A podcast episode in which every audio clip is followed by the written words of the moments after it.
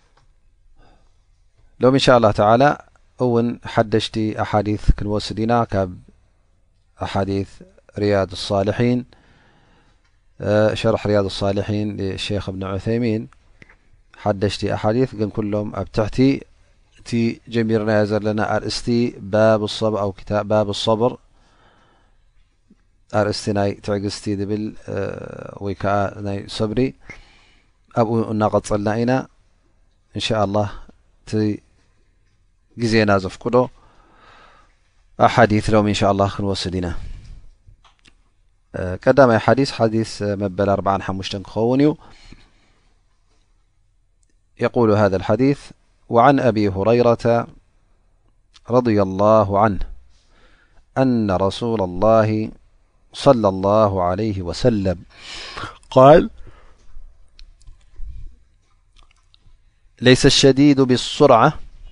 إنما الشديد الذي يملك نفسه عند الغضبمتفق عليه والصرعة بضم الصاد وفتح الرا وأصله عند العرب من يصرع الناس كثيرا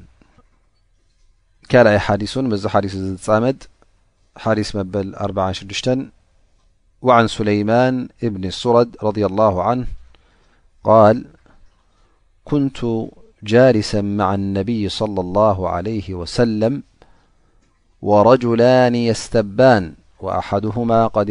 قد احمر وجهه وانتفخت أو داجه فقال رسول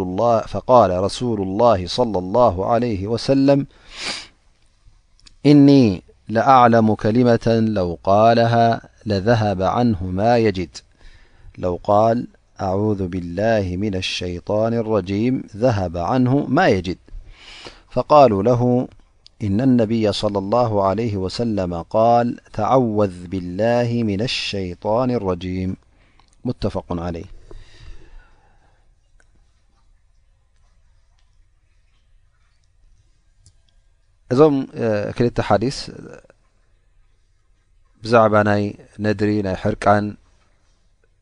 እዮም ዝጠቕሱ ዘለዉ። ብሕጽር ዝበለ ነቲ ቀዳማይ ሓዲስ ክንትርጉሞ እንተ ኮይና እነቢ صለ ላሁ ለ ወሰለም ይብሉ ሓያል ዝበሃልሲ ንሰብ ተጋዲሉ ዘውድቕ ኣይኮነን ማለት ከምዚ ቀደም ንኣሽቱ ሕልኮ ኢልካ ዝጸወት ወይ ከኣ ምግዳል ምቅላስ ምስ ሓደ ንሓደ ተቃሊሱ ነቲ ሓደ ዘውድቕ ፈኣሱርዓ ማለት ከምዚ ማለት እዩ ብገድሊ ንኻልእ ዘውድቕ ማለት ኣይኮነን እንታይ ደኣ እቲ ሓያል ዝበሃልሲ ኣብ ግዜ ሕርቃን ኣብ እዋን ኣብ ሰዓት ናይ ሕርቃን ነፍሱ ዝቆጻጸር እዩ ይብሉ እነቢይ صለ ላሁ ለይሂ ወሰለም እቲ ካልኣይ ሓዲት ድማ ብሕፅር ዝበለ ትርጉም ክንወስዶ ነቢ ስለ ላሁ ዓለህ ወሰለም ሓደ ግዜ ክልተ ሰባት ነንሕዶም ክፃረፉ ሰሚዖሞም ማለት እዩ እዚ ሱለይማን እብን ሱረት ዝበሃል ሰሓቢ ካብቶም ብፀት ነቢና መድ ስ ሰለም ይብል ኣነ ምስ ነቢ ሙሓመድ ስ ሰለም ኮፍ ኢሎ ከለኹ ክልተ ሰባት እቋየቁ ነይሮም ማለት እዩ ንንሕዶም ገለ ዘይምርድዳእ ተረኪቡ ማለት እዩ ኣብ መንጎኦም ስለዚ ክልቲኦም ሓሪቆም እቲ ነቲ ምልሰሉ እቲ ነቲ ምልሰሉ ነይሩ እቲ ሓደኦም ኩቱር ሕርቃንሲ ገፁ ጓህሪ መሲሉ ሰራውር ናይ ክሳዱ ኩሉ ተነፊሑ እነቢ صለ ላه ለ ወሰለም ነዚ ምስ ረኣዩ እንታይ ይብሉ ኣነ ሓንቲ ቃል ኣላ እዚ ሰብ እዚ እዚ ሓሪቑ ዘሎ እንተ ዝብላ ነይሩ እቲ ኣብ ነፍሱ ዘሎ ነድሪ ሕርቃን ምፈኸሰሉ ነይሩ እሳ ከዓ ኣذ ብላ ምና ሸይጣን ረጂም እያ እሳ እንተ ደኣ ኢሉ ክፈኽሶ እዩ ወይ ከዓ ሕርቃኑ ክዝሕል እዩ ኢሎም እነቢ ስ ሰለም ተዛሪቦም ሽዑ ሰባት ካባና ከይዶም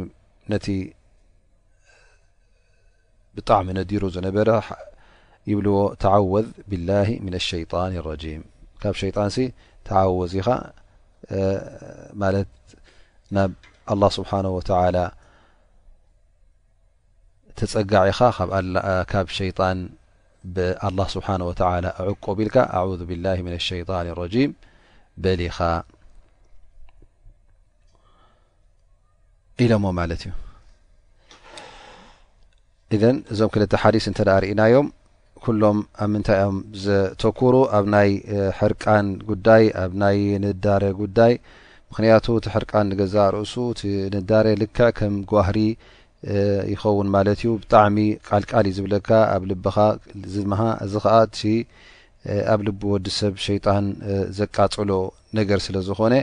እሞ ኸዓ ብጣዕሚ በዚ ኣጓኒፍዎ ዘሎ ገለ ነገርሲ እቲ ጉዳዩ ስለ ዝብርትዖ እንታይ ኮይኑ ይስምዖ ማለት እዩ ዝነብሱ ኩሉ ኣብ ምንቅጥቃጥ በፅሕ ነብሱ ይረስኖ ነብሱ ብጣዕሚ ሕብሩ ይቅየር ይፅልም ይኸውን ከከም ሕብሩ መቸም ገፁ ጓህሪ ይበስል ዝዛረቦ ዘረባ ውን ኣይፈልጥን ዝንቀሳቀሶ ምንቅስቃሳት ውን ዘይ ሓሰቦ ነገራት ይኸውን ሓታ ሓደ ግዜ ነቢ صለ ላه ለ ወሰለም ሓደ ሰብኣይ መፅኦም ያ ረሱላ ላ እስኪ ምክሪ ሃበኒ እስኪ ሓደራ ሃበኒ ወስያ ሕድሪ እስኪ ሃበኒ ኢሎም ምክሪ ምስ ሓተተ ነቢ ለ ላ ለ ወሰለም እንታይ ይብሎ ላ ተቕበብ ኣይትሕረቕ ይብልዎ ማለት ነቢ ስ ሰለም እዚ ሰብ እዚ እዚ ሰብኣይ እታ ወስያ ንእሽተይ ኮይና ተሰሚዓቶ ብዙሕ ኣይዕገበቶን ማለት እዩ ያ ረሱላ ላ ኣውሲኒ ካብኡ ድዓቢ ወስያ ዘለኹ እዛ ኣይትሕረቕ ድኣ ቀላል እንድያ ገለሚታት ኢሉ ከም ቀላል ነገር ወሲዱ ነቢ ስ ሰለም ደጊሞም ላተቕብ ይብልዎ ሳልሳይ ግዜ እውን ኣውሲኒ ምኸረኒ ያ ረሱላ ላህ ሕድራ ሃበኒ ኢሎም ኢሉ ምስ ሓተተን ነቢ ስ ሰለም እውን ላ ተቕበብ ይብሎ ሰለስተአን ሰለስተ ሻዕ ነቢ ስለ ላ ለ ወሰለም ደጋጊሞም ነዚ ሰብ እዚ ኣይትኾሪ ኣይትቆጣዕ ኢሎም ይምልስሉ ማለት እዩ ምናልባሽ ነቢ ስ ሰለም ስብዚ ይፈልጥዎ ነይሮም እሞ ኸዓ እዛ ወስያ እዚኣ ብጣዕሚ ተድልዮ ነይራ ግዲ ኮይና ፍልይ ኣቢሎም ነዛ ወስያ እዚኣ ይህቦ እዛ ወስያ እዚኣ ንዑ ተዋሂቡ ግን ናብ ኩላህና እያ ንገለ ገለ ሰባት ድማ ብዝያዳ ተድልዮም ትኸውን እተ ሓደ ሰብ ብዙሕ ኣብ ቀልጢፉ ዝሓርቕ ሰብ ኣሎ፣ ቀልጢፉ ዝቑጣዕ ሰብ ኣሎ፣ ንእሽተይ ነገር ተሕርቖ ሰብ ኣላ። ስለዚ እዚ ከም ዝኣመሰለ ሰብ እንተ ኣሎ ኮይኑ እዛ ወስያ እዚኣ ኩሉ ግዜ ኣብ ቅድሚ ዓይኑ ክገብራ ኣለዎ ማለት እዩ። ምክንያቱ ናይ ነቢ ሙሓመድ ሰለ ላሁ ለ ሰለም ሕድሪ ስለ ዝኾነት ናይ ነቢ ሙሓመድ ስ ሰለም ሓደራ ሓደራ ኢሉ ንቲ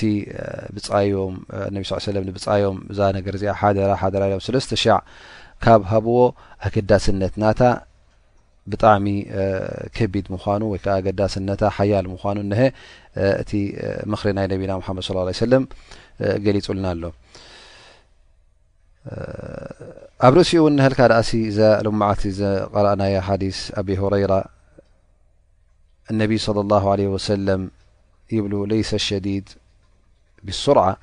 እቲ ሓያል ዝበሃልሲ እቲ ቅልጽም ዘለዎ ሰብ ማለት እዩ ኣኑ ሓያል ክበሃል ከሎ ሕጂ ቀደም ኣብቲ ግዜ ነቢና ሙሓመድ ለ ላሁ ለ ወሰለም ኩሉ እቲ ወላ እቲ ናይ ኩናት ነገር እንተ ኮይኑ ኣብ ምንታይ እዩ ዝምርኮስ ነይሩ ኣብ ሓይሊ ኣካል ኣብ ናይ ቅልፅም ማለት ምክንያቱ ሴፍ ሒዝካ ኮይኑ ኩናት ሒዝካ ኮይኑ ብኢድካ ብክእለት እዚ ሕጂ እዚ እቲ ሓይሊ ነይሩ ሽዑ እቲ ሓይለ ዝቁፀር ንሰብ ተጋዲሉ ዘውድቕ ንሰብ ዘሕምቕ እሱታት ሕጂ ሓያል ኮይኑ ኣብ ቅድሚ ሰብ ይረአ ነይሩ ፈነቢ ስለ ላሁ ለ ወሰለም እዚ ረኣእያ እዚ ኣብ ዓይኒ ሰብ ዝነበረ እነቢ ስለ ላ ሰለም እንታይ ክገብርዎ ደልዮም ማለት እዩ ኣብቲ ቅኑዕ ኣረኣያ ንክወስድዎ ማለት እዩ ምናልባሽ ከምዚ ዝኣመሰለ ሰብ ንሰብ ዘውድቕ ሓያል ሰብ ቅልፅም ዘለዎ ንሰብ ዘገርም ነገር ኳዓ ወይ ከዓ ብሰብኡ ክዕጀብ እንተ ኮይኑ ካብኡ ንላዕሊ ከም ዘሎ ነቢ ስለ ላ ለ ወሰለም ሓበሬታ ይብ ኣለዎ ማለት እዩ እንታይ የብሉ ለይሰ ሰዲድ ብሱርዓ ተሓያል ዝበሃልሲ ንሰብ ዘውደቀ ወይ ከዓ ዘሕመቀ ተቃሊሱ ዘውደቀ ኣይኮነን እዚ ሙምክን ቀሊል ነገር ይኸውን ምስቲ ካልእ ኣይ ኣነ ክነግረኩም ሓሲበ ዘለኹ ምስቲ ካልእ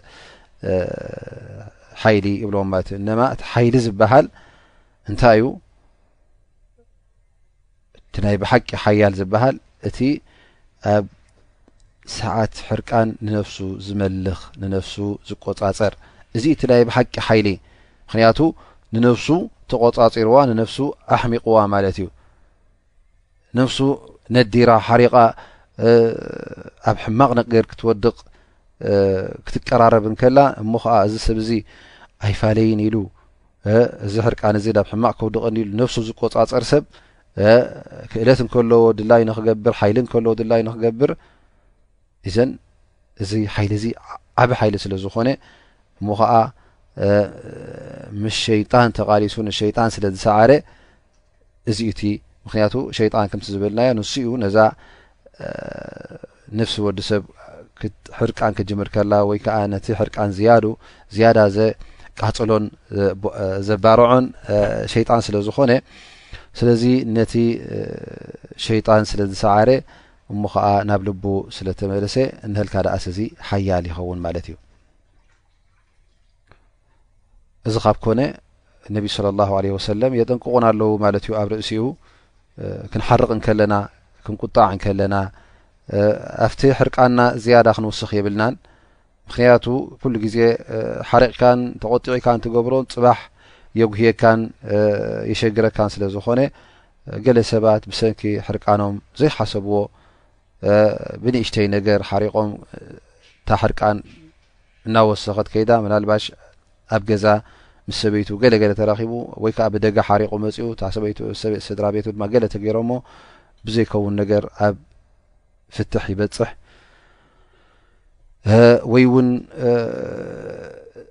ገንዘቡ ንብረቱ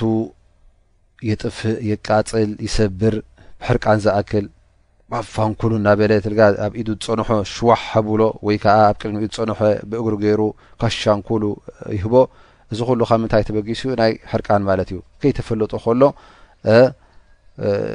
ገለ ሰብ ወዶም ውላዶም የሕርቆም ብሕርቃን ዝኣክል ብዝኾነ ኣብ ኢዶም ዘሎ ክሃርሙ ትረኽቦም ማለት እዩ ገለ ሰባት ምናልባሽ ኣብ መቕታሉን ይበፅሕ ኣብ መቑሰልቲ ኣብ ጉድኣት ኣብ ናይ መዋእል ስንኩል ኮይኑ ይነብር ኸውን ትውላድ ስለዚ ከምዝኣመሰለ ነገራት ንኸይርከብሲ ኩሉ ግዜ ካብ ሕርቃን ክትርሕቕ ኣለካ እቲ ዘሕርቐካ ነገርዋት እንተ ኣሎ ውን ካብኡ ኩሉ ግዜ ክትርሕቕ ኣለካ ሓታ እነቢ ስለ ላሁ ለ ወሰለም ካብቲ ዝሃብዎ ወስያ እውን ካብቲ ዝኸልከልዎ ንፈራዳይ ዳኛ ክፈርድ እንከሎስ ኣብ መንጎ ክልተ ኣትዩ ወይ ከ ወላ ውን ፍርዲ ብብዓይነቱ እዩ ጠብዓ ንስኻ ዳኛ ኮይንካ ኣብ ቤት ፍርዲ ንስኻ ክትፈርድ ክልተ ሰባት ተባኢሶም ወይ ከዓ ነገር ኣለዎም ኮይኑ ወይ ከዓ ዝኾነ ይኹን ፍልልይ ተረኪቡ መንጎ ክልቲኦም ንስኻ ፍርዲ ክትህብ እንተደኣ ኮይንካ ገለ ነገር ኣቆጢዑ እኳ እንተ ኣሎ ኮይኑ እሞ ከዓ እዚ ሕርቃን እዚ ጌና ኣብ ልብኻ ኣሎ እተ ኮይኑ ሕጂ በዚ ባህሪ እዚ ከለኻ ክትፈርድ የብልካን ይብሉ እነቢ ለ ላ ለ ወሰለም ምክንያቱ እቲ ሕርቃን ንገዛ ርእሱ ነቲ ነገር ፅቡቅ ገይሩ ብኩሉ ሸነካቱ ንክትሪኦ ዕድል ኣይህበካን እዩ እንተ ከምኡ ጌርካ ነቲ ጉዳይ ብኹሉ ሸነኻቱ ዘየጽናዕካዮ ድማ ኩሉ ግዜ ኣብቲ እትወስዶ ውሳነን ፍርድን ብየናን ክትጋገ ስለ ዝኾንካ ንዓኻ ተጋጊኻ ነቶም ሰባት ውን መሰሎም ክትግህሶም ስለ ዝኾንካ ፈነቢ صለ ላه ለ ወሰለም ወላ ሓደ ሰብ ሓሪቁ ኮይኑስ ኣብ መንጎ ክልተ ሰባት እዩ ክፈርድ የብሉን ዳኛ ውን ክኸውን የብሉን ይብሉ እነቢ ለ ላ ለ ሰለም እቲ ካልኣይ ሓዲት እውን ንህልካ ዳእሲ ሓዲ ስለይማን እብኒ ሶርድ ረድ ላ ን እዚ ሓዲ እዚ ከምቲ ዝጠቀስናዮ ብዛዕባ ክልተ ሰባት ተባኢሶም ኣብ መንጎኦም ፍልልይ ተረኺቡ ዘይምርድዳእ ተረኺቡ እሞ ከኣ ክቋየቁ ኣብ ቅድሚ ነቢ صለ ላሁ ዓለይሂ ወሰለም ስለ እተረኸቡ ፈእነቢ صለ ላሁ ዓለይሂ ወሰለም ይብሉ እዚ ሰብ እዚ እዚ ረኺብዎ ዘሎ ናይ ሕርቃን ከመይ ገይሩ ከም ዘተንፍሰሉ ኣነ እኮ ፈልጥ እየ ኢሎም እነቢ صለ ላሁ ዓለይሂ ወሰለም ንሱ ከኣ ኣዑዙ ቢላሂ ምና ሸይጣን ረጂም ክብል እንተ ኢሉ እቲ ዘለዎ ሕርቃን ክፈኩስ እዩ ይብሉ ማለት እዩ ፈኣዑዙ ክበሃል እንከሎ ማዕና ኣዕተስም ኣው ኣልተጅእ ኢለ ላ ስብሓን ወተላ ናብ ኣላ ናብ ጎይታ ይዕቆብ ካብ እቲ ርጉም ሸይጣን ክትብል እንከለኻ እዚ ንገዛእ ርእሱ እቲ ነድርን ትሕርቃንን እቲ ነድርን እቲ ሕርቃንን እንታይ ከምፅእ ይኽእል ካብ ሸይጣን ስለ ዝኾነ እቲ ነድሪ ሕርቃንን ናብ ሕማቕ ክብጽሕ ይኽእል ማለት እዩ ስለዚ እቲ ሓራቕ ዝኾነ ሰብ ኩሉ ግዜ ወይ ከዓ እንተ ገለ ዘሕርቕ ነገር ዘኾሪ ነገር እተ ኣጓኒፍዎስ ኩሉ ግዜ ንነፍሱ ክቆፃፀር ኣለዎ ሰብሪ ክገብር ኣለዎ ትዕግስቲ ክገብር ኣለዎ እዚ እዩ ከዓ ነወዊ ነዚ ሓዲስ እዚ ኣብ ባብ ሰብር ኣብ ኣርእስቲ ሰብር ዘምፅኦ ስለምንታይ እዩ ምክንያቱ እቲ ሕርቃን ካብ ምንታይ ዝመፅእ ስለ ሰብሪ ዘይገበርካ ወይ ከዓ ሓሪቕካ ከለካስ ገለ ነገር ተ ኣሕሪቑካስ በቲ ሕርቃንካ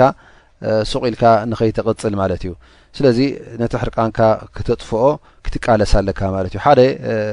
ፈውሲ ናይዚ ሕርቃን እዚ እነሀ ነቢ ስለ ላሁ ዓለይህ ወሰለም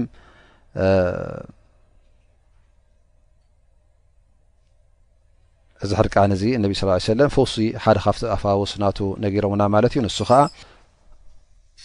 ኣዑዙ ብላህ ምን ሸይጣን ረጂም ክትብል እዚ ሓደ ፈውሲ ይኸውን ማለት እዩ። ኣሎ ካልእ እውን እንተ ሰብ ሓሪቑ ካብቲ ሕርቃኑ ዘፋኹሰሉ ነገራት እንተ ደው ኢሉ ነይሩ ኮይኑ ኮፍ ክብል ከሎ ማለት ካብቲ ዘለዎ ኩነት ናብ ካልእ ክቕይር ኣለዎ ማለት እዩ። ፈኢዛ غضብ ኣን የጅልስ ማለትሲ ኮፍ ይብል ኣዑዙ ቢላህ ምነ ሸይጣን ረጂም ይብል ኮፍ እንተ ኢሉ ነይሩ ኮይኑ ኮፍ ኢሉ ደው ኢሉ እንተ ነይሩ ኮይኑ ኮፍ እንተ ኢሉ ነይሩ ኮይኑ ድማ ብጎቦ ይኸውን ካፍቲ ነዚ ሕርቃን እዚ ዘጥፍኦ ድማ ውዱእ ምግባር ማለት እዩ ውዱእ ክትገብር ከለኻ ድማ እቲ ሕርቃንካ ውን ይፋኾሰልካ እንተ ኣስጊእ እኳ እቲ ኩነታት ዘለኻዮ ቦታ ትሕርቃንካ ብዝያዳ ቁጣዓኻ ዘወስኾ እተ ኮይኑ ድማ ካብቲ ዘለኻዮ ቦታ እውን ክትወፅእ ኣለካ ምክንያቱ ሕርቃን ኩሉ ግዜ ናብ ሕማቕ ናብ ሓደጋ ናብ ዘየድሊ ነገራት ስለ ዘውድቐካስ ተቓሊስካ ነዛ ነብስኻ ቀጥ ኣቢልካ ሒዝካ ክትመልካ ኣለካ ተዘይ መሪኽካያ ሱቕ ኢልካ እንተ ነታ ሕርቃንካ ዕድል እንተ ሂብካዮ ነብስኻ ክትጎድእ ኢኻ ስድራኻ ክትጎድእ ኢኻ ማልካ ይኹን ትፈትዎም ሰባት ትጎድእ ትኸውን ስለዚ ነቢ ስለ ላሁ ለ ወሰለም ከመይ ጌርና ካብዚ ሕርቃን እዚ ከም ንላቐቕ እነህልካ ደኣሲ ወስያታት ወይ ከኣ ሕድርታት ምኽርታት ሂቦሙና ሓበሬታ ሂቦሙና ካብተን ዝጠቐስናየን እነህልካ ደኣሲ ወይ ኮፍ ኢልካ እንተ ነርካ ደው ኢልካ እንተ ነርካ ኮንካ ኮፍ ትብል ኮፍ ኢልካ እንተ ነርካ ኮንካ ብጎቦ ትኸውን ውዱእ ትገብር ኣዑዙ ቢላሂ ሚነ ሸይጣን ረጂም ትብል እዚ ኩሉ እንታይ እዩ ፈውሲ ማለት እዩ ካብቲ ዘለኻዮ ቦታ ካብቲ ዘለኻዮ ገዛ ኮይኑ ወይ ከዓ ክፍሊ ኮይኑ ናብ ካልእ ክትቅይር እንከለኻ እዚ ውን ካብቲ ሕርቃን ንክትወፅእ ይሕግዘካ ማለት እዩ። ዝሓረቀ ሰብ ዝተቆጠዐ ሰብ ውን ክትርኢ ከለኻ ምናልባሽ እዚ ሰብ እዚ ኣይዝክር ዝኸውን ኣብቲ ሰዓት እቲ ምክንያቱ ሓሪቁ ስለ ዘሎ ነብሱ ክቆፃፀር ስለ ዘይከኣለ እንታይ ክትገብሮ ኣለካ ከምዚ ሕጂ ልክዕ ነቢ ስለ ላ ሰለም እዞም ክልተ ሰባት ክበኣሱ ምስ ረኣይዎ እቲ ሓደ ብጣዕሚ ሓሪቁ ምስ ረኣይዎ ነቢ ስለ ላሁ ለ ወሰለም ምክሪ ሂቦሞ ማለት እዩ ኣዘኻኺሮሞ ኣዑዙ ቢላህ ምነ ሸይጣን ረጂም ክብል ከም ዘሎ እስኻ ንሕና እውን ሕጂ ብግዴና ሓደ ሰብ እንተ ሓሪቑ ምስ ካልእ ሰብ ክቋየቕ እንተ ርእናዮ ወይ ከዓ ኣብ ገዛ ኣብ ዝኾነ ቦታ እቲ ነቢ ስለ ላሁ ለ ወሰለም ዝሃቡና እጃባታት ፈውሲታት ሲ ንዕኡ ክንጥቀም ኣለና ሸይጣን ኣዑዙ ቢላ ምነ ሸይጣን ረጂም በል ተስእ ውዱእ ግበር ንዓ በዚ ኮፍ በል ንዓ ኣዕርፍ ኢልካ ካብቲ ዘለዎ ናይ ሕርቃን ኩነታት ንኸተውፅኦ እዚ ኣድላይ ይኸውን። ምክንያቱ እዚ ሓደ ካብቲ ተዓውን ዓለል ቢሪ ወተቕዋ ስለ ዝኾነ ምትሕግጋዝ ናብቲ ሰናይን ኸይርን ስለ ዝኾነ ከምኡ ውን ኣምር ቢልማዕሩፍ ንሰናይ ፃውዒት ስለ ዝኾነ እዚ ንኣሕዋትካ እትህቦ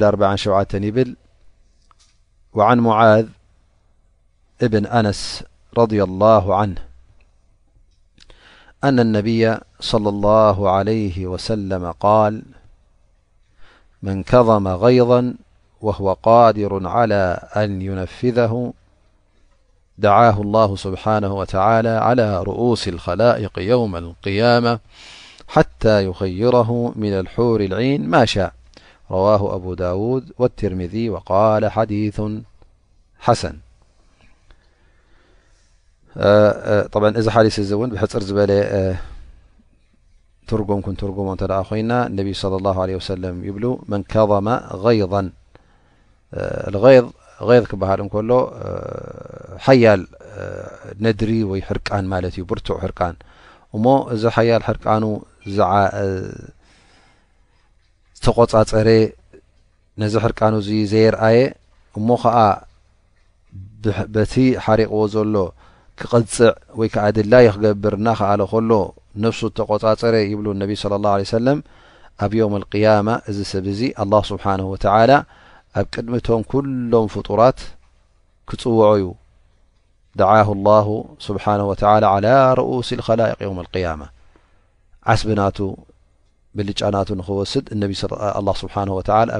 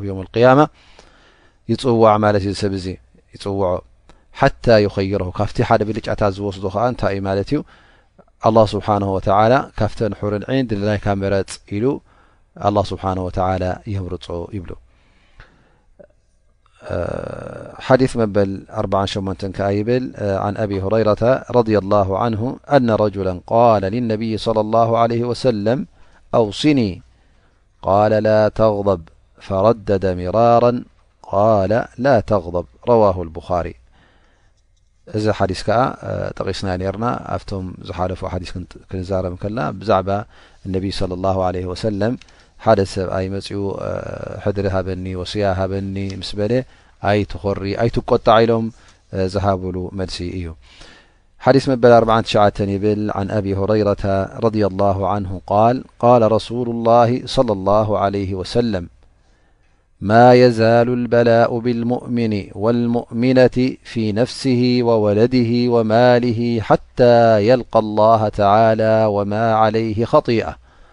روه الترذ وقل ዲيث ሓሰن صح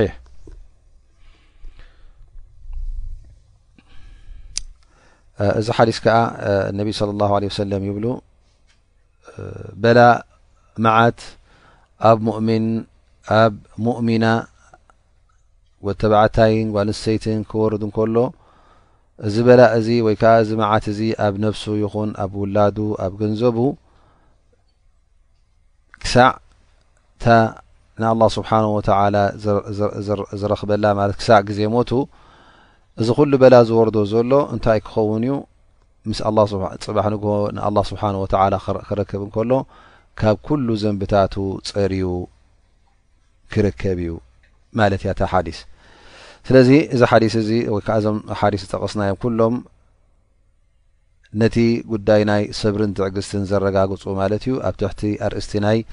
ትዕግስቲ ዝኣትው እዮም እቲ ቀዳማይ ሓዲስ ከምቲ ዝረኣናዮ እናኸኣልካ ከለኻ ሓይሊ ይኹን ወይ ከዓ ብሓይልኻ ይኹን ወይ ከዓ ብስልጣንካ ብዝተዋሃብካዮ ክእለት ክእለት እንከለካ እሞ ነቲ ዘሕርቐካን ዘቆጣዓካን ሰብ ክትጎድኦ ክትምልሰሉ እናኸኣልካ ከለኻ ነዚ ነገር እዚ እንተ ደኣ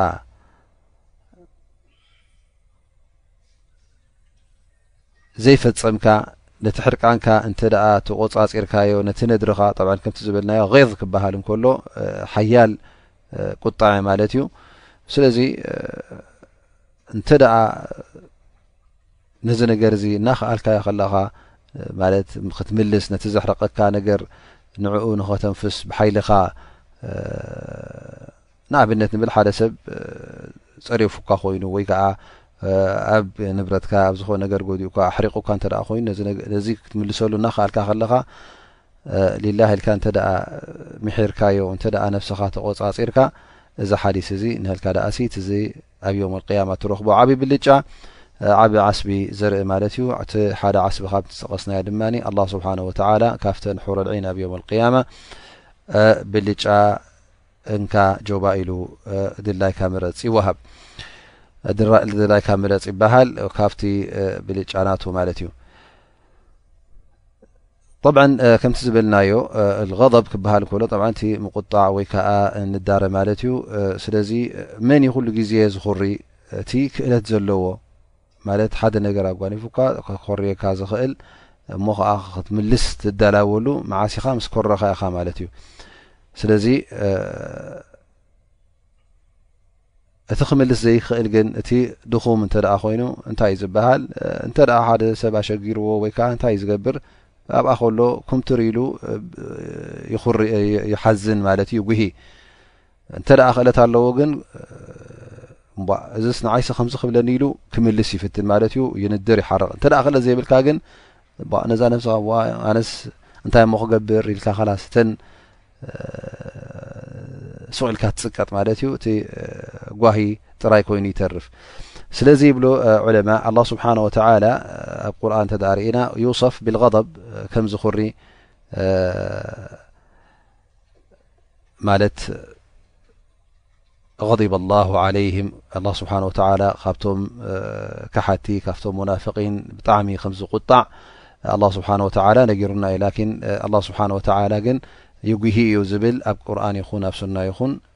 ኣይርኣየለን ምክንያቱ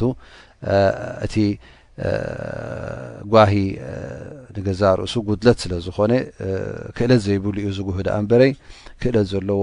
ኣይጉሂን እዩ ምክንያቱ ክምልስ ስለ ዝኽእል ስለዚ እንተ ደኣ ሊላህ ኢልካ ክእለት እንከለካ ሓይሊ እንከለካ እንተ ደኣ ሊላህ ኢልካ ነዚ ነገር እዚ ሸለል ትብሎ እተ ኮንካ እተ ተምህር ኮንካ እዚ ዓበ ኣጅሪ ከም ዘለዎ ነቢ ለ ላ ለ ሰለም ሓቢሮምና ማለት እዩ ከምኡ ውን ሓደ ሰብ እንተ ደኣ ኣብ ነፍሱ ኣብ ውላዱ ኣብ ማሉ ብሰንኪ ሞት ኮይኑ ብሰንኪ ሕማም ኮይኑ ብሰንኪ ጥፍኣት ኮይኑ ብሰንኪ ክሳራ ናይ ንግዲ ኮይኑ ከምዚ ኣመሰለ ወይ ከዓ ተቃፂልዎ ይኹን ንብረቱ ከምዚ ዝኣመሰለ ሽግራት ከምዚ ዝኣመሰለ መዓታት ከጓንፎ ከሎ ንሓደ በዓል ኢማን በዓልቲ ኢማን እሞ እዚ ዝወርዶ ዘሎ ብኣላ ስብሓን ወተላ ኮይኑ ትዕግስቲ እንተ ደኣ ገይሩ ሰብሪ እንተ ደኣ ገይሩ እዚ በላ እዚ ወላ ተደጋጊሙ እንተ ደኣ መፂዎ ኣብ ዮም ኣልቅያማ መሐጎሲኡ ክኸውን እዩ ምክንያቱ ብሰብሪ ስለ ዝገጠሞ ከመይ ማለት ምክንያቱ እዚ ሰብ እዚ እቲ እብትላ እቲ ምርምራ እቲ ፈተና እቲ ዝወርድ ዘሎ መዓት እንታይ እዩ ንዕኡ መቕፊራ ነቲ ቅድሚ ሕጂ እውን ጠቂስና ነርና ነቲ ዘንብታት ናቱ የጽርየሉ ማለት እዩ ነቲ ዘንብታቱ ይሓጽበሉ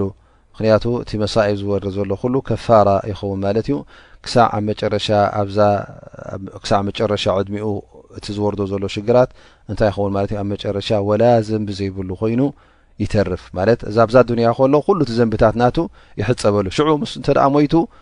ካብ ኩሉ ዘንብታት ናቱ ፀርዩ ናብ ኣላ ስብሓን ወተዓላ ይሓልፍ ማለት እዩ ናብ ጎይታ ናብ ዮም ኣልቅያማ ኣማ እንተ ደኣ ዘንብታት እና ኣጓነፎ ከሎ እንተ ደኣ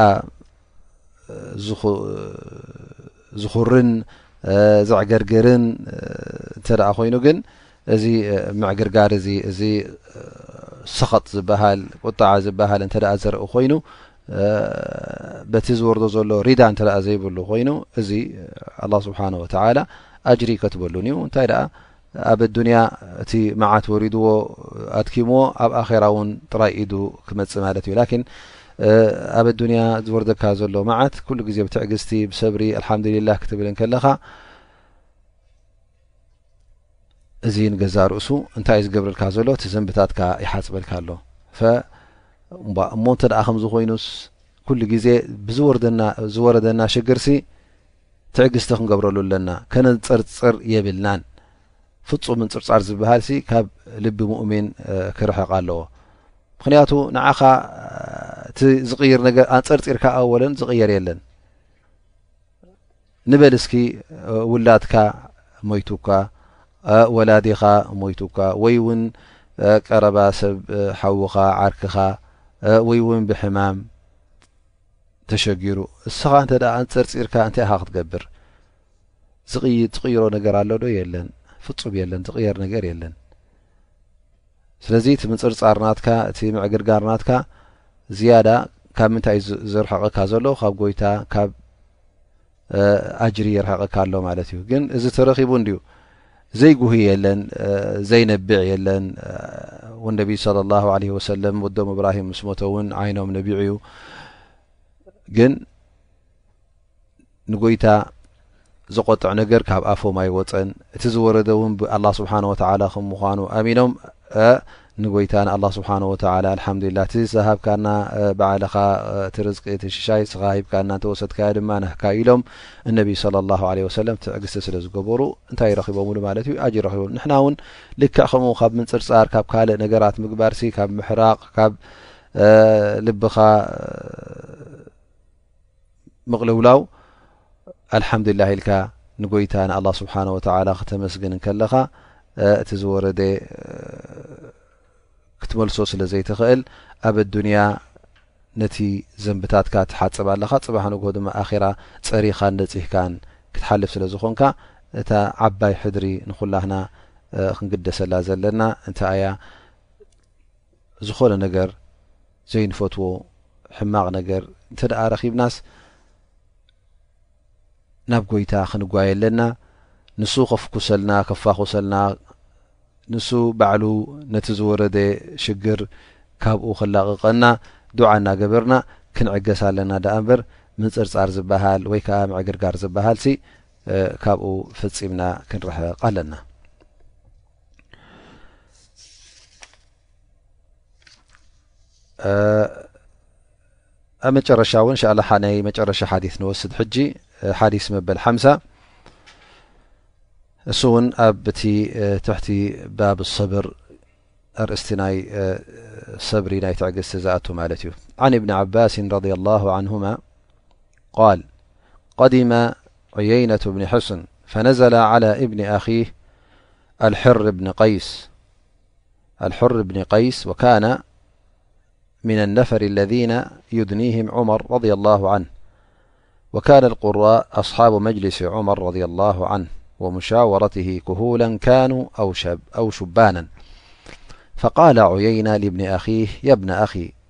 لك وجه عند هذا الأمير فأذن له عمر فلما دخل قال هيه يا ابن الخطاب فوالله ما تعطينا الجزل ولا تحكم فينا بالعدل عمررضي الله عنه حتى هم أن يوقع به فقال له ارحر يا أمير المؤمنين إن الله تعال قال لنبيه-صلى الله عليه وسلم خذ العفو وأمر بالعرف وأعرض عن الجاهلين وإن هذا من الجاهلين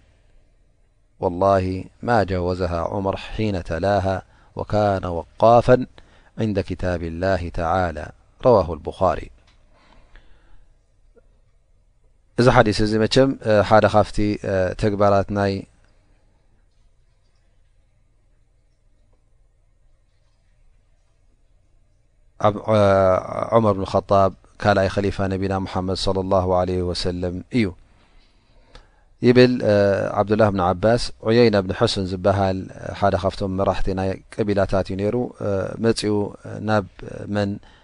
ወዲ ሓው ወዲ ሓዉ ኣልሑር እብኒ ቀይስ ዝበሃል ነይሩ ናብኡ መፅኡ ማለት እዩ መዲና እዚ ኣልሑር እብኒ ቀይስ ካብቶም ዑመር ብን ኸጣብ ረድ ላሁ ዓንሁ ዘቕርቦም ዝነበረ ምስኦም ኣብ መጅልስ ናቱ ኣብቲ ቤት መንግስቲ ናቱ ማለት ዩ ኮፍ ዝብለሉ ቦታ መፅኦም ምስኡ ኮፍ ዝብሉ ዝነበሩ ዘማኸሮም ዝነበረ እዩ ዑመር ብንከጣብ ነቶም ቁርን ዝሓፈዙ ነቶም ዑለማ ነቶም ዓበይቲ ይኹኑ መንእሰያት ይኹኑ እንተ ደኣ ዕልሚ ኣለዎም ኮይኑ ቁርኣን ዝቐርኡ ዝሓፈዙ እንተ ደኣ ኮይኑ የቕርቦም እዩ ነይሩ። ፈዑየይ ናብ ንሕስን መጺኡ ነዚ ወዲ ሓዉ ኣልሑር ብኒ ቄስ ሓደ ካብቶም ዑመር ብን ኸጣብ ኣብቲ መጅሊስ ናቱ ዘእትዎ ዝነበረ ስለ ዝኾነ ይብሎ ኣንታ ወዲ ሓወይ እስኻ እዚ ኣሚር እዚ እዚ መራሕ እዚ ይፈትወካ እዩ እሞኒ እስኪ ፍቓድ ውሰደለይ ኢኻ ካብኡ ክመጾ ክዛረቦ ደሊ ኣለኹ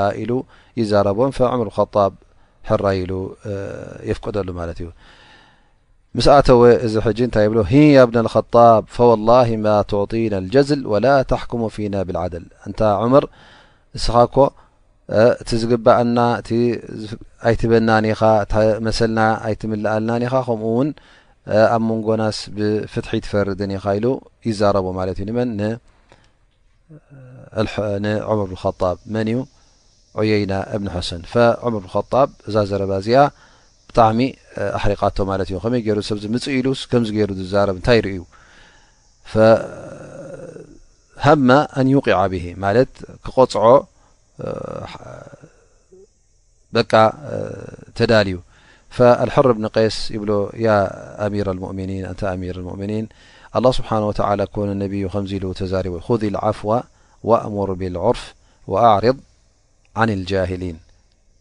ማለት ንሰብ መሓር ኢኻ ብሰናይ ድማ ኣዝዝ ነቶም ስድታት ድማ ግልፅ ኣይትበሎም ኢኻ እዚ ከዓ ካብቶም ስድታት እዩ ካብቶም ፍልጠት ዘይብሎም ጃሂል እዩ እሞኒ ሸለል በሎ ኢኻ ማለት እዩ ዑመር እዛ ኣያ እዚኣ ምስ ተቐረኣትሉ ኹዚ ልዓፍወ ወእሙር ብልዑርፊ ወኣዕሪድ ዓን ልጃሂሊን እንታይ ይገብር ኣሎ ማለት እዩ በቃ ካብቲ ሓሲብዎ ዝነበረ ኸላስ ማዳም እዛ ኣያ እዚኣ ኣብፂካለይ ኢሉ ደው ይብል ማለት እዩ ወዑመር ኑከጣብ ካነ ወቃፋ ዕንደ ክታብ ላ ዑመር ጣብ ድማ እንተ ካብ ክታብ ቁርን ኣያ ኣልቃል ላ ኢልካ እተ ኣምፅእካ ኣሉ ፍፁም ይሓልፍ ኣይነበረን ካብኡ ንንዮ ይሓልፋ ኣይነበረን ይብሉ ማለት እዩ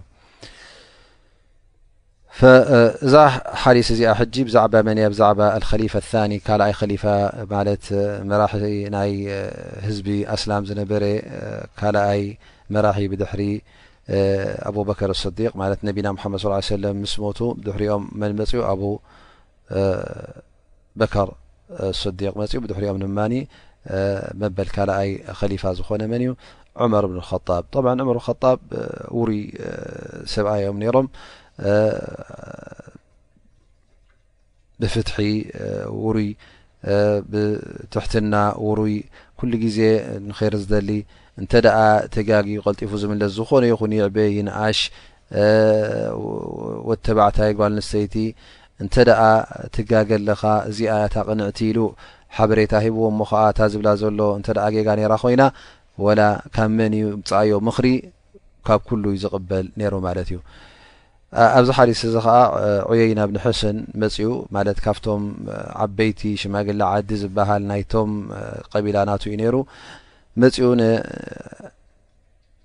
ዑመር ብን ኸጣብ ከምዚ ዝኣመሰለ ዘረባ ዘሕርቕ ሓቂ ዘይብሉ ዘረባ መፅኡ ሂህ ያ ብን ኸጣብ ክብሎ ከሎ ቀዳማይ ነገር እዚ እንታይ ማለት እዩ ልክዕ እንታይ ትህብ ማለት እዩ ነቲ ትዛረቦ ዘለኻስ እቲ ዝገብሮ ዘለኻ ደስ ኣይበለንን ማለት እዩ እንታይ ኢሉ ይምልሰሉ እስኻ እውን ንዓና ከም ጉቡ ኣይትበናን ኢኻ እቲ ዝግበኣና መሊእካ ብምሉእ ኣይትበናን ኢኻ ከምኡ እውን ላ ታሕክሙ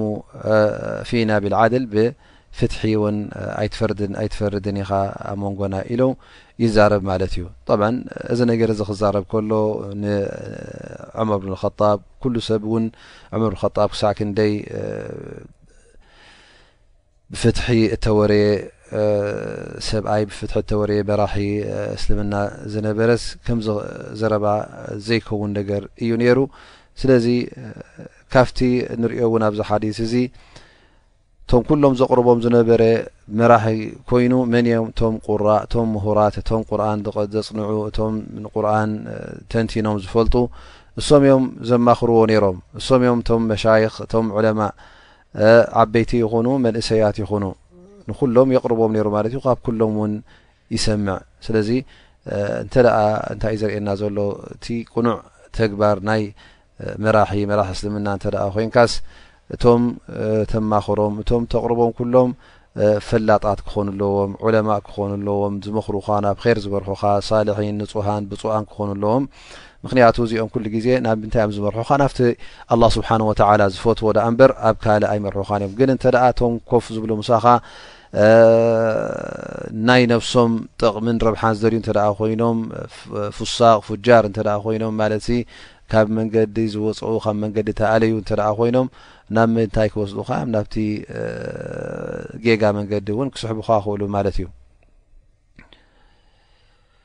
ስለዚ እቶም ጁለሳ እቶም ኣማኸርቲ ብፁኣን ሳልሒን ክኾኑ ከለዉ እቲ ናቶም ጠቕሚ እውን ናብ ኩሉ ይበፅሕ ማለት እዩ እታ ኡማ ኩላ ትጥቀመሉ ስለዚ ግዴታ ይኸውን እቶም መሪሕነት ናይ እስልምና ዝሕዙ ኩሉ ግዜ እቶም ዑለማእ ነቶም ምሁራን ነቶም ፈላጣት ነቶም ር ዝደልዩ ንዕኦም ከቕርቡ ኣለዎም ማለት እዩ እዞም ኣስሓብ ነቢ ለ ላ ለ ሰለም እውን እቶም ቁራእ ዝበሃሉ ዝነበሩ እቶም ቁርን ተንተንቲ ዝበሃሉ ዝነበሩ እንታይ እዮም ዓሰርተ ኣያ ክቐርኡ ከለዉ ንዕአን ከፅንዑ ከለዉ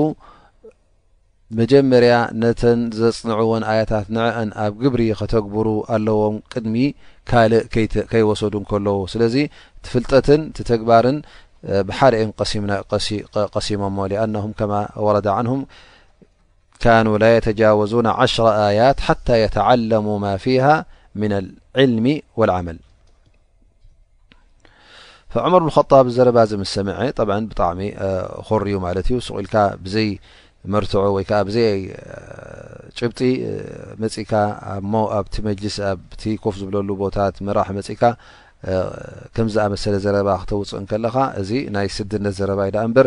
ናይ ጥዑይ ሰብ ኣይኮነን ከምዚ ኢሉ ምስ ተዛረበ እቲ ኣልሑር እብኒ ቀይስ ንኣሚር ኣልሙእምኒን ንዑመር ብልኸጣብ ሓንቲ ምክሪ ሂብዎ ማለት እዩ ምስ ሓረቀ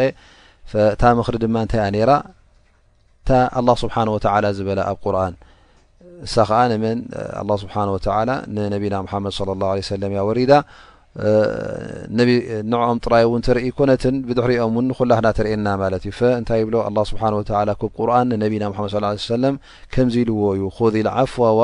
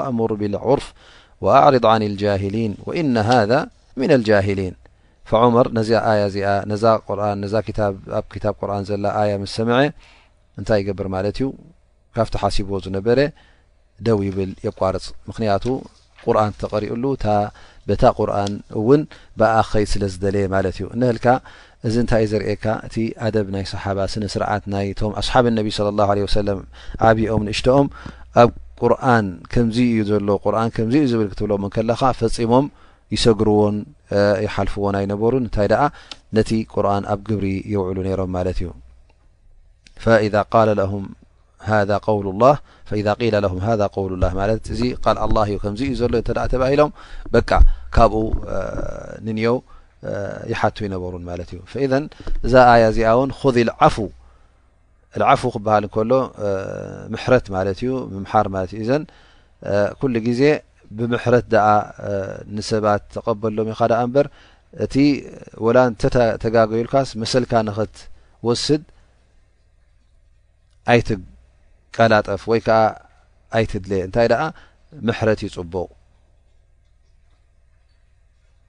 ስለዚ ኹዚ ልዓፉ ወላ እውን መሰልካ ይኹን መሓር ኢኻ ወእሙር ብልዑርፍ ኣልኣምር ቢልዑርፍ ወልዑርፍ ክበሃል ከሎ እንታይ እዩ እቲ ቅኑዕ ዝኾነ ኣብቲ ኣብ ሸርዒ እቲ ረቢ ዝፈትዎ ማለት እዩ ስለዚ ንሰናይ ኣዝዝ ሰናይ ነገራት ግበሩ በል ንሕማቕ ነገራት ግን ንምግባር ይኹን ወይ ከዓ ሰባት ንክገብሮ እውን ኣጠንቅቂኻ ብኡ ብሕማቕ ነገራት እውን ንሕማቕ ነገራት ኣይትምራሕ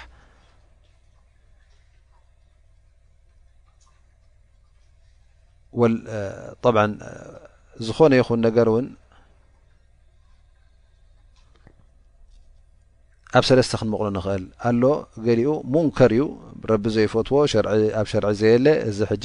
ካብኡ ንሰብ ክትክልክል ኣለካ ከተጠንቀቕ ኣለካ ካልኣይ ነገር ድማ ዑሩፍ ማለት እዩ ረቢ ዝፈትዎ ነገራት ኣሎ እዚ ከዓ ንኩሉ ሰብ ክትመክር ኣለካ ክትሕብሮም ኣለካ ናብኡ ኣሎ ከዓ መንጎ መንጎ ዝኾነ ማለት ኣላ ስብሓን ወተላ ኣይትግበርዎ ይበለና ግበርዎ ይበለና እዚ ከዓ ሱቅ ኢልካ ትሓልፎ ማለት እዩ ላኪን ኩሉ ግዜ ንሰብ እንታይ ትመክር ንር ትመክር ማለት እዩ ናብ ር ናብ ሰናይ ትመርፁ ወኣዕሪድ ዓን ልጃሂሊን ጃሃል ኣብዚ ሕጂ እንታይ ማለት እዩ ንሰብ ምነኣስ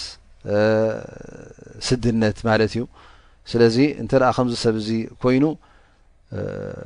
ሽልል ክትብሎ ኣለካ ግልፅ ክትብሎ የብልካ ምክንያቱ እዚ ሰብ እዚ ወይ ጃህል ማለት ዕልሚ ዘይብሉ ፍልጠት ዘይብሉ ክኸውን ይኽእል ካልኣይ እውን ወይ እውን ሓደ ስዲ ክኸውን ከሎ ኣደብ ዘይብሉ ክኸውን ከሎ ነዚ እውን ቆላሕታ ክትቦ የብልካ እንታይ ደኣ ኣብኡ ከለኻ ሸለል ክትብሎ ኣለካ ምክንያቱ ምስኡ ምዝራብ ንገዛ ርእሱ ንዓኻ የንእሰካ ስለ ዝኾነ ስለዚ እንተ ኢዕራድ ዓን ልጃሂሊን ክበሃል እንከሎ ነቶም ከም ዝኣመሰሉ ሸለል ክትብሎም ከለኻ ውርደት ማለት ኣይኮነን ወይ ከዓ ሕስረት ማለት ኣይኮነን ነብስኻ ኣሕሲርካ ማለት ኣይኮነን ምክንያቱ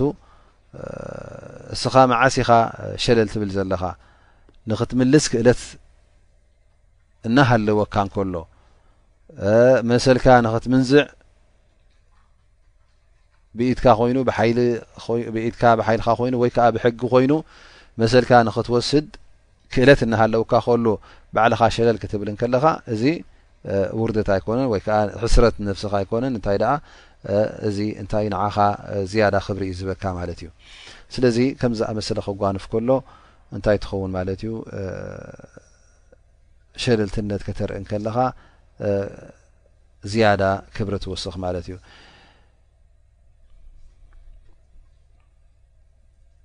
ኩሉ ግዜ እውን እቲ ንሰብ ምምሓር ንተጋገ ንዓኻ ማለት ተጋግዩ መሰልካ ዘጓደለልካ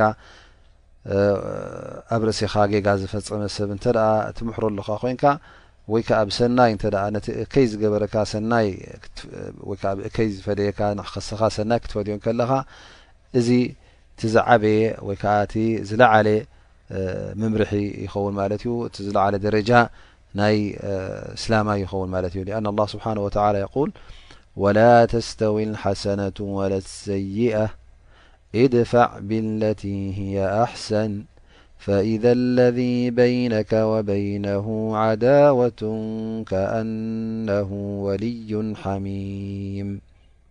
ወላ ተስተዊ ልሓሰነቱ ወላ ሰይኣ ሰናይን እከይን ፍፁም ሓደ ኣይኮነን ክልቲኡ መዘና ኣይኮነን ክልቲኡ ሓደ ኣይኮነን ኢድፋዕ ብለቲ ህየ ኣሕሰን ዝኾነ ይኹን ነገርሲ ብሰናይ ዕገቶ ንሕማቕ ዝገበረካ ንሕማቕ ዝፈፀመካ ሰብ ብሕማቕ ኣይትፍደዮ እንታይ ደኣ ሰናይ ፍደዮ እንተ እዚ ጌርካ ይብል ኣላ ስብሓን ወተላ ፈኢዘ ለذ በይነካ ወበይነሁ ዓዳዋ ከኣነሁ ወልዩን ሓሚም እቲ ኣብ መንጎኻን ኣብ መንጎኡን ፅልኢ ዝነበረ እሞ ከዓ ንዓኻ ሕማቕ እከይ ዝፈፀመ ኣንፃርካ እንተ ደኣ ብሰናይ መሊስካሉ ፅባሕ ንግሆ እዚ ሰብ እዚ ንዓኻ ክፈቱ እዩ ናባኻ ዝያዳ ክቐርብ እዩ ወልዩን